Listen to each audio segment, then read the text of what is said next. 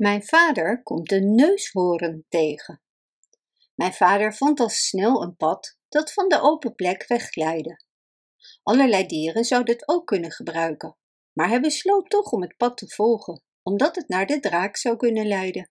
Hij hield alles goed in de gaten en liep verder. Net toen hij zich redelijk veilig voelde, kwam hij in een bocht vlak achter de twee wilde zwijnen. Een van hen zei tegen de ander: Wist je dat de schildpadden dachten dat ze aap gisteravond zijn zieke grootmoeder naar de dokter zagen dragen? Maar de grootmoeder van aap stierf een week geleden, dus ze moeten iets anders hebben gezien. Ik vraag me af wat het was. Ik heb je verteld dat er een invasie op komst is, zei het andere zwijn. En ik ben van plan om erachter te komen wat het is. Ik kan gewoon niet tegen invasies. Nee, ik ook niet, zei een klein stemmetje. Ik bedoel, ik ook niet.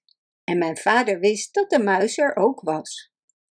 Nou, zei het eerste zwijn, jij volgt het pad deze kant op naar de draak. Ik ga de andere kant op, terug door de grote open plek. En we sturen muis naar de Ocean Rocks, voor het geval de indringer probeert te ontsnappen voordat we hem kunnen vinden. Mijn vader verstopte zich net op tijd achter een mahonieboom en het eerste zwijn liep hem voorbij.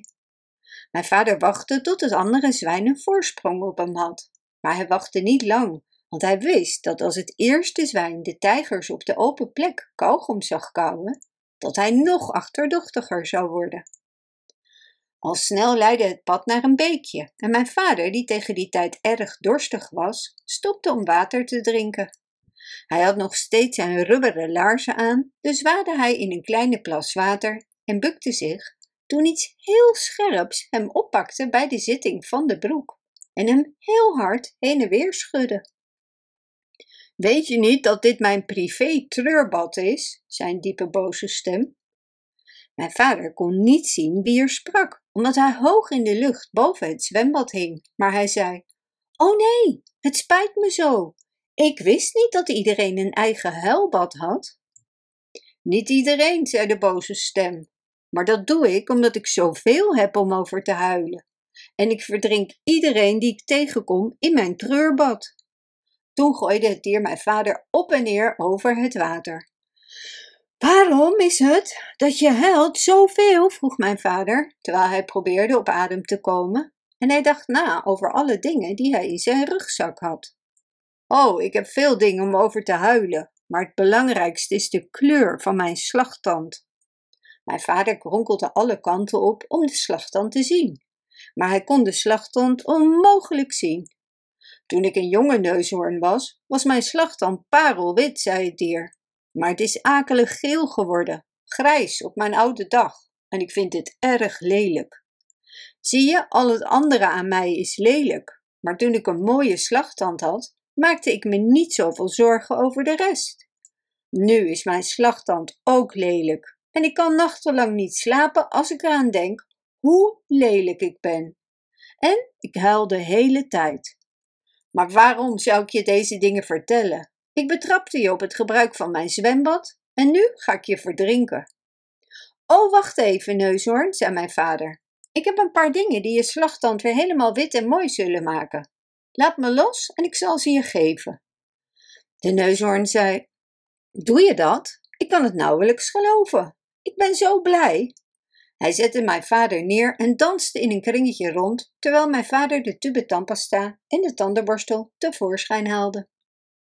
Nu, zei mijn vader, kom iets dichterbij met je slagtand, dan zal ik je laten zien hoe het moet. Mijn vader maakte de borstel nat in het zwembad, kneep in een beetje tandpasta en schropte heel hard op een klein plekje.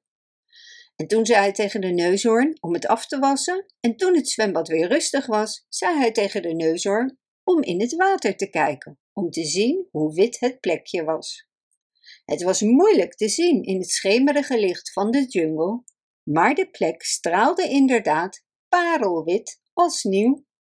De neushoorn was zo blij dat hij de tandenborstel pakte en heftig begon te schrobben, waarbij hij mijn vader compleet vergat.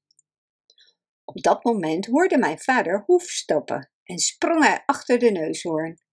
Het was het zwijn dat terugkwam van de grote open plek waar de tijgers kauwgom aan het kauwen waren. Het zwijn keek naar de neushoorn en naar de tandenborstel en naar de tube tandpasta. En toen krabde hij zijn oor aan een boom. Vertel eens, neushoorn, zei hij.